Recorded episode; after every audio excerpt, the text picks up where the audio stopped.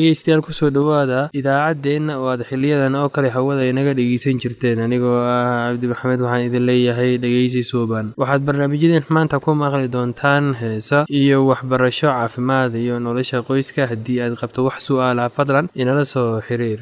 Ciwaankeenna waa radio somaly at yahu dt com. Mar labaad ciwaankeenna waa radio somaly at yahu dt com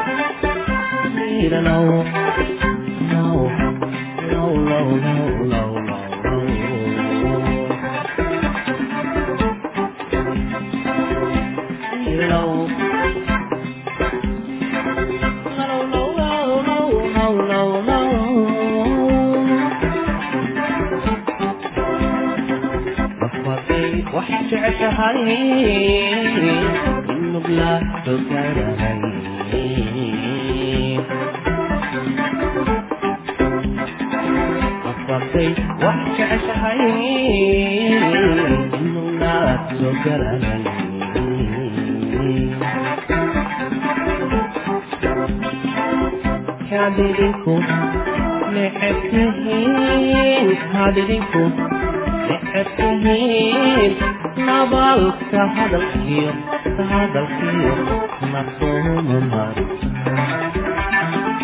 nabaalka hadalkiyo hadalkiyo marsuumumar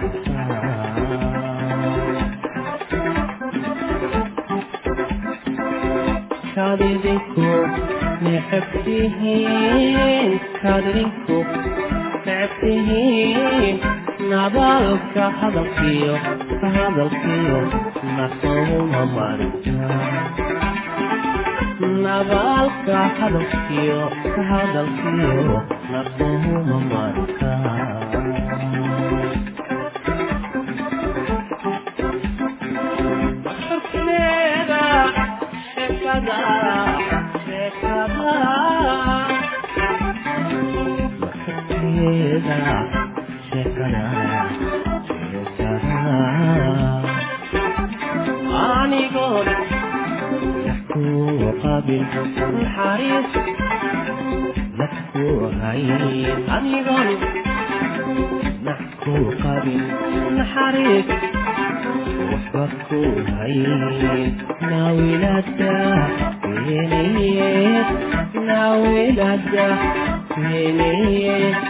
difhay gu soo noqon difhaygu soo noqon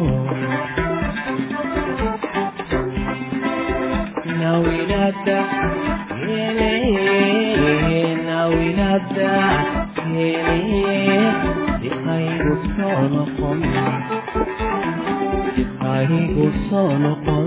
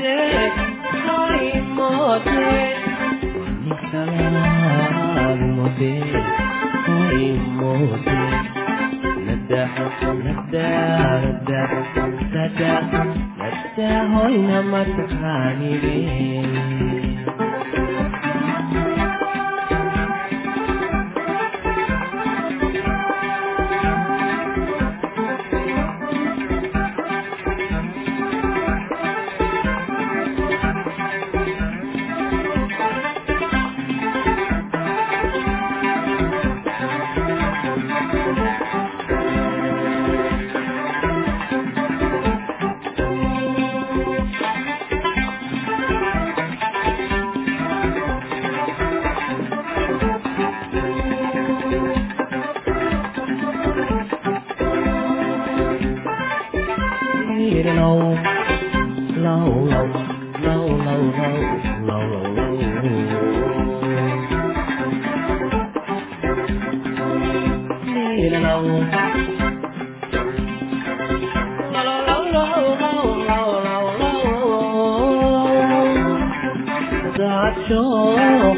masaad mirmaanay idmaanay xaano laga manuugin lamasaan irmaanay irmaanay aan laga hanyoobin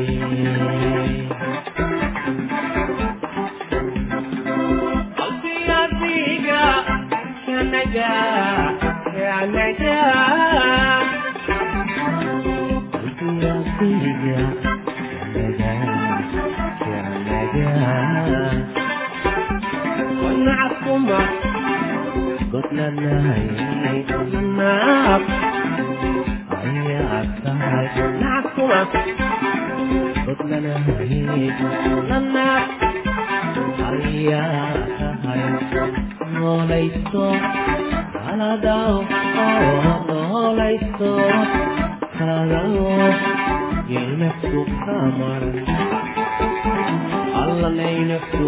mrn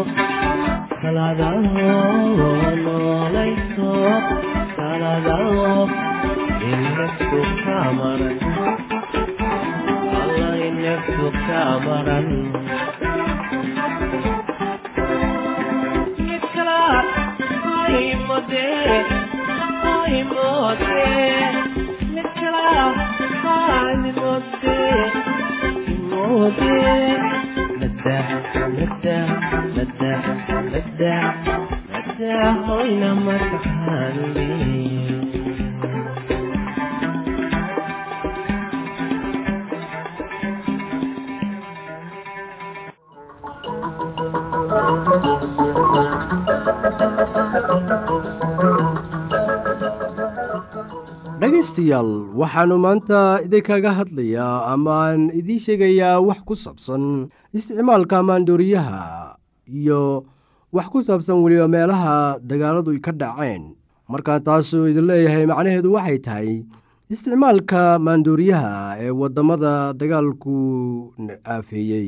Waxaynu la soconaa soomaaliya inay ka mid tahay waddan ka mid ah waddamada ay ka dhaceen dagaal eheleydka dagaaladaas oo dhibaato u geystay waddanka. Waxaynu la soconnaa in waddanku si xun dagaalka ugu bilowday. Markaaynu ka soo bilaabno kun sagaal boqol iyo siddeetan iyo siddeeddii iyagoo dagaaladu ay ka dhaceen dhulalka waqooyi galbeed waxaanu la soconnaa in dagaaladaasi ay ku soo fideen dhanka koonfureed iyadoo markaasi kun sagaal boqol iyo sagaashan iyo kowdii dowladdii siyaad barahay dhacday. Taasi waxa ay keentay in waddanku noqdo waddan aanan lahayn xukuumad ama dowlad u talisa. Waxa ay waddanku noqday mid u kala burburaa muxuu ahayn jabhado kala duwan oo ku salaysan qabiilo. Taasi waxay dhalisay in ilaa iyo wakhtigan hadda aynu joogno soomaaliya toddoba sannadood in aysan ka dhalan wax dowlad ah. Haddaba inta muddada u dhexaysay ee dowlad la'aanta ah soomaaliya maxaa ka dhacay? Waxaa ka dhacay waxyaabo aada u foolxun oo ah dil dhac iyo dhibaatooyin kaloo fara badan. Haddaba maandooriyuhu waxauu noqday mid lambar kow ah ama booska koowaad ku jira marka la fiiriyo dhibaatooyinka waaweyn ee muxuu ahayn ee soomaaliya maanta haysta. Waxaanu la soconaa maandooriyihii inuu noqday mid faraha ka baxay ee aysan jirin dowlad ama booliis markaasi kontaroola oo ilaaliya waddankeena xuduudaha etoobiya kenya iyo jabuuti ayaa wuxuu noqday mid u furan isla markaasnu ay ka soo geli karaan wax walba. Waxaynu la soconnaa in waddanka meelo fara badan lagu beeray muxuu ahayn xashiishka sida gobollada jubbooyinka iyo weliba jubbada dhexe siba muxuu ahayn iyo shabeellooyinka laftirkooda iyo shabeellada dhexe. Intaas waxaynu la soconnaa in xad fara badan oo ah muxuu ahayn muxuu in lagu beeray muxuu ahayn dhulalkeena meelaha qaarkooda. Haddaba waxaa kaloon la soconaa inay soo galaan noocyo kale oo kala duwan oo iyagana ah maanduuriyaal maanduuriyaashaas waxaa maanta lagu arki karaa goobo fara badan oo ka mid ah magaalooyinka waaweyn ee waddanka sida magaalada muqdisho kismaayo marka jowhar hiiraan gaalkacyo burco hargeysa iyo meelo kale oo fara badan iyo boosaaso lafsad ahaanteedaba. Waxaynu la soconaa in magaalooyinkaasi waaweyn ay dhallinyaro fara badan ay maanta isticmaalayaan maanduuriyaasha noocyadooda kala duwan iyaga oo markaasi waddooyinka la maraya si xisho daro ahna u isticmaalaya. Waxaad arkaysaa in maanta sida yaanyadii oo kale loo gado muxuu ahay maandooriyaha culus ee marajawaanaha layidhaahdo afka kale afka soomaaligan lagu yidhaahdo muxuu ahayn xashiishka. Taasi ayaa waxa ay keentay in dhallinyaro aada u fara badan iyo weliba rag kaloo aada u fara badan iyo dumarba in ay markaasi isticmaaleen xad aada u fara badan oo ah maandooriyaha. Maandooriyuhu wuxuu waddan ku dhaliyey dhibaato aada iyo aada u culus waxaynu arkaynaa in maandooriyaha ay muxuu ahayn ku dhalisay dhallinyaradu inaysan baqin islamarkaasina ay qoryaha qaataan. Marka qofku maandooriyuhu u qaato wuxuu noqdaa mid isnaca oo is-ilaawa islamarkaasna qofka kale ka soo horjeeda uusan u arag xataa bini aadam isagoo kale ah. Waxa uu qofku markaasi si fudud uu markaasi u keen u galaa dembiye aada u fara badan. Dembiyaha faraha badan ee ka dhaca waddanka maanta waxaa sal u ah isticmaalka maandooriyaha. Haddaba maandooriyuhu waxa uu yahay cudur maanta waddanka iyaga ku fidaya ee loo baahan yahay in laga hortago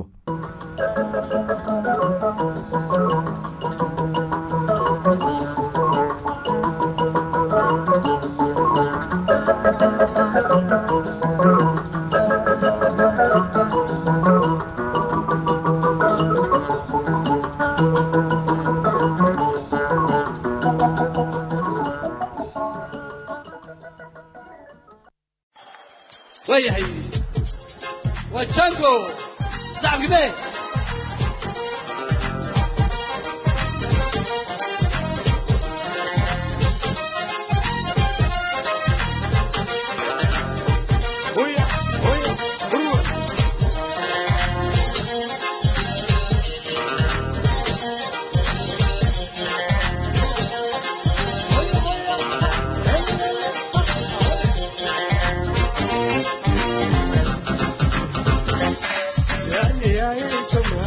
waa jango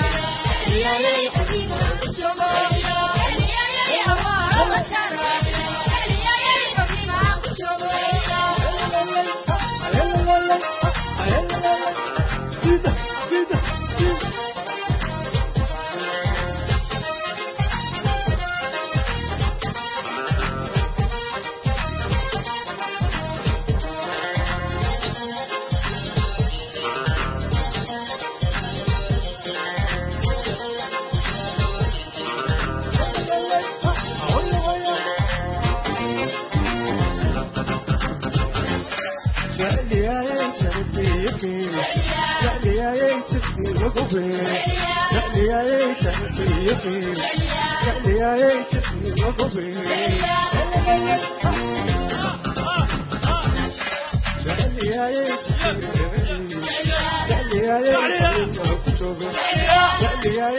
jamaan dhulka hoyo jecliyaayay xornimaan ku joogo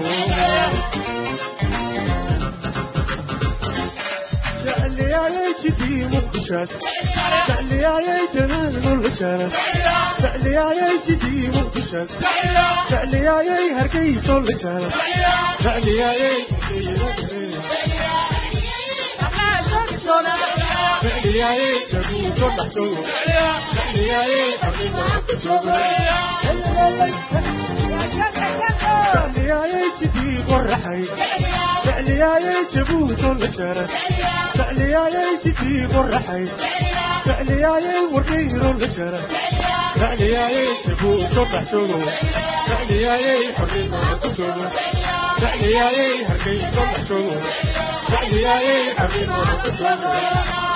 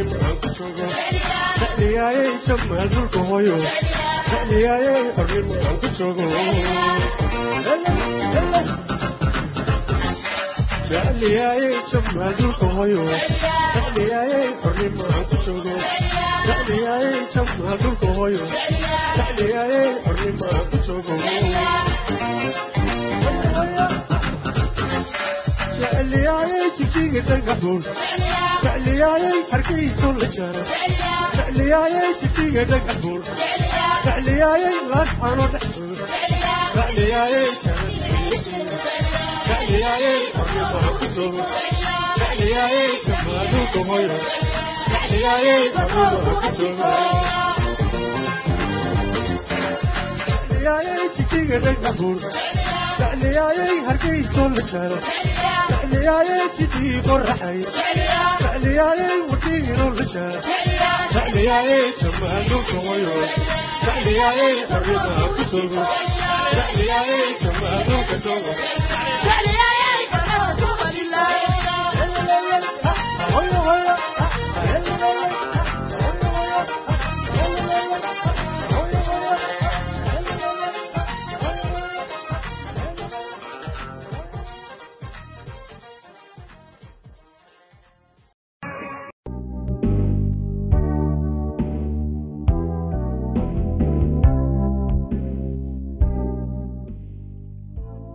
waliba way dhammaadeen.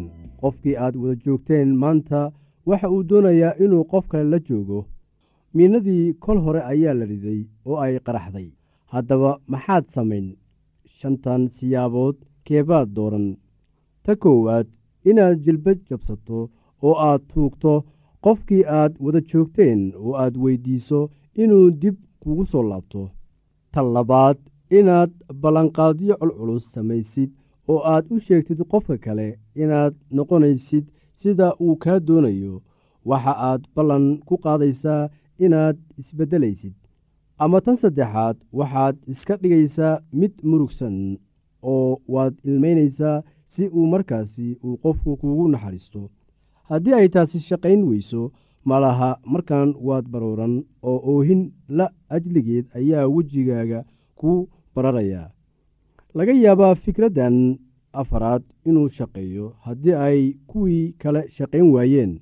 Waxa aad ku dhaaranaysaa inaad dabaq fuuli doonto oo aad halkaas iska soo tuuri doonto si aad u dhimato maadaama aanad haddeer nolosha qiimo u arkin.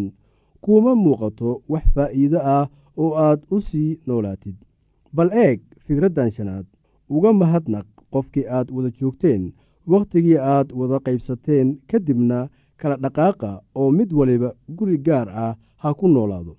Aalaa qofka la furay marka waxa uu dareemayaa xanuun oo caro la ajligeed ayaa waxa uu u horarayaa qofkii kale. Waxa uu sidaa u samaynayaa inuu ishilmaansiiyo xanuunka furitaanka. Adiga laftaada waxaa dhici karta inaad andacootid oo aad qofkii caysid oo aad tustid sida uu xayawaan ama nacas u ahaa markii ugu horreysay ee aad wada kulmayseen iyo siday u wanaagsanaan lahayd haddii aad iska furi lahayd waa hore. Waxaa jira wax qalbiga qofka ku jira laakiin marnaba uusan afka ka odhanaynin laakiin waxa uu ku haysanaya maskaxda. Waxa uu is odhan karaa isaga weeye midka aan i doonaynin laakiin aniga weli waan doonayaa. Marka warku ku saabsan waxa aad adigu tahay faafo cid ku rabaysa ma jirto. Maadaama aad aniga diidday waxa aan isku taxallujinayaa inaan arko adiguna inaanay cid ku rabin. Mararka qaar ka aargoosashada noocan ah ayaa waxa ay u dhacdaa si cad oo weerar ah. Markii uu cumar furay sacdiya waxay ku tidhi isaga iyada oo qaylinaysa inaad sidaan samayn weligay waan ogaa. Markii hore ayaan qalad sameeyey maba ahayn inaan ku guursado inaad qofka wax yeelaysaad jeceshahay sow ma ahan. Marar badan ayaad ii waxyeelaysay oo aan xitaa tiradoodu xusuusan laakiin marka aad ii dhammaysay wax walbaan ku siiyey oo wax walbaan kuu sameeyey bal haddana fiiri sidaad iila dhaqmaysid. Allah haddii aan sidaan ogaan lahaa markii horeba weligaa iima aad roonayn mararka qaar marka dareenka xiriirku kor ahaa qofka doonaya furniinka waxa uu ka helayaa qofkii kale jawaab ku salaysan goodin wax isdabamarin iyo xitaa dagaal. Hanjabaad ku saabsan inaad qofka sirtiisa sheegaysid ama aad daraag isticmaalid ku kici doontid ama aad isdili doontid ama waxaad odhan jumladooyin ad adag adiga oo doonaya inaad qofkaasi ku dheganaatid mararka qaar qofka la diiday wakhti yarba ha ahaatee waxa uu ku cararayaa inuu xiriir cusub la yeesho qof cusub si uu u soo gudo jacaylkii ka lumay. Iska ilaali inaad qof jeclaatid isla markii lagu furo. Xusuuso haddeer wax waliba oo aad samaysid adiga ayay dushaada tahay. Waxaana laga yaabaa inaad ku degdegtid xiriirkan. Maxaa wacay? Waxaad doonaysaa inaad buuxisid meeshii bannaanayd jacaylka noocaas ah kadib furniinka allah waa mid been ah oo muddo yar gudaheeda ku soo gebagabooba haddii aad ka naxaysid oo aad weli xurmo u haysid qofka bilaabay furniinka waxaa wanaagsan inaad qofkaasi wakhti siiso furniinka dabadii si uu uga fikiro oo bal u eego inuu wax qalad ah sameeyey intii aad xiriir cusub bilaabi lahayd. Wakhti ku filan c oo ka bixi shakiga ku jira maskaxdiisa ama maskaxdeeda. Markaan isku day inaad wax wanaajisid waxa aad qofka kale u sheegtaa in isbarashadii aad isbarateen runtii ay aad ugu wanaagsanayd oo aanad fahamsanayn sababta ay u dhammaatay laakiin haddii ay sidaa dhacday aad u rajaynaysid farxad kaamil ah. U xaqiiji qofka inaad weligaa saaxiib la ahaanaysid markii wax waliba la yidhaahdo oo la sameeyo aqbal xaaladda oo u isticmaal sida kugu wanaagsan intii aad isku baabi'in lahayd dhegeystayaal ku soo dhowaada idaacaddeenna oo aad xiliyadan oo kale hawada inaga dhegeysan jirteen. Anigoo ah cabdi maxamed waxaan idin leeyahay dhegeysi suuban. Waxaad barnaamijyadeen maanta ku maqli doontaan heesa iyo waxbarasho caafimaad iyo nolosha qoyska haddii aad qabto wax su'aalaha fadlan inala soo xiriir. Ciwaankeenna waa radio somaly at yahu dt com. Mar labaad ciwaankeenna waa radio somaly at yahu dt com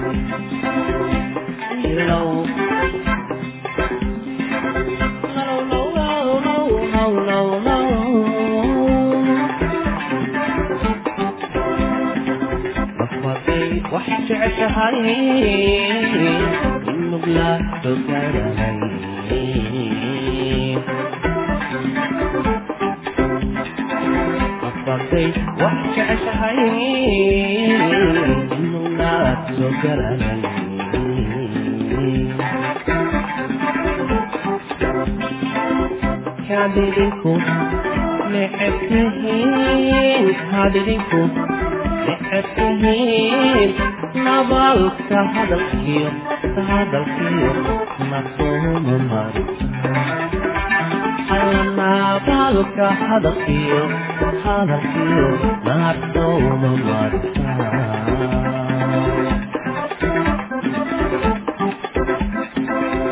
kadidinku